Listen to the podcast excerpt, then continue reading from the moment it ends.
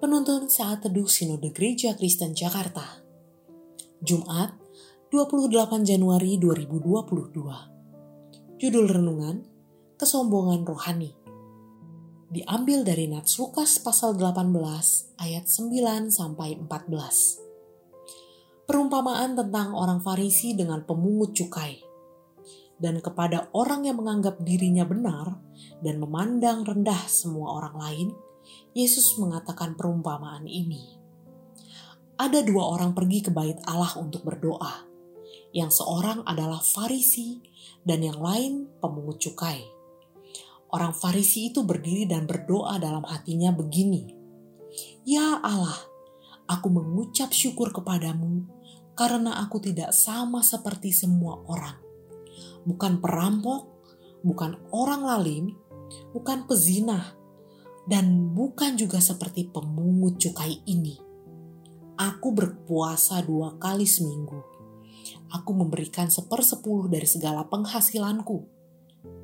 Tetapi pemungut cukai itu berdiri jauh-jauh. Bahkan ia tidak berani menegadah ke langit. Melainkan ia memukul diri dan berkata, Ya Allah, kasihanilah aku orang berdosa ini aku berkata kepadamu, orang ini pulang ke rumahnya sebagai orang yang dibenarkan Allah, dan orang lain itu tidak. Sebab barang siapa meninggikan diri, ia akan direndahkan, dan barang siapa merendahkan diri, ia akan ditinggikan.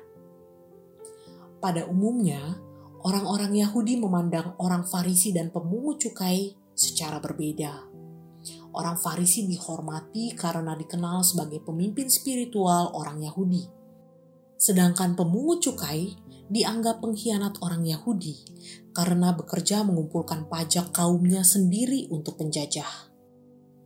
Di mata manusia, seharusnya Allah mengutuk pemungut cukai dan meninggikan orang Farisi. Sebab keduanya jelas menjalankan peran yang berbeda, bagai langit dan bumi. Namun, apa yang terjadi? Justru di akhir cerita yang mendapat pembenaran adalah si pemungut cukai. Mengapa bukan orang Farisi yang dibenarkan? Bukankah jelas-jelas mereka orang yang mengabdikan diri sebagai pemimpin spiritual dan menjalankan tugasnya untuk membimbing banyak orang mengenal hukum Taurat? Bukankah mereka melakukan pekerjaan yang mulia di waktu itu? Jawabannya sederhana, yakni karena adanya kesombongan rohani. Kesombongan ini adalah bentuk dari merasa diri benar, lebih baik dari orang lain, dan suka merendahkan. Mereka memang tidak mencuri, tidak berbuat zina, apalagi melakukan kekerasan. Mereka terlihat suci dan tanpa celah melalui doa-doa yang mereka tunjukkan. Namun sebenarnya hati mereka tidak tertuju pada Tuhan ini pun juga merupakan dosa di mata Tuhan. Hari ini, mungkin kita rajin beribadah. Seorang pelayan Tuhan di gereja, tergabung dalam banyak komunitas pemuritan. Namun, apakah benar kita melakukan semuanya itu untuk memuliakan Tuhan? Atau mencari kemuliaan diri sendiri?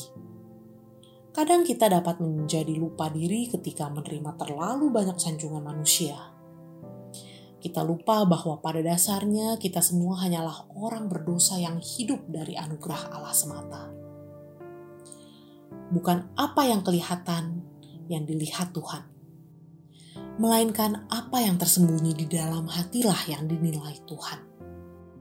Kiranya Tuhan memampukan kita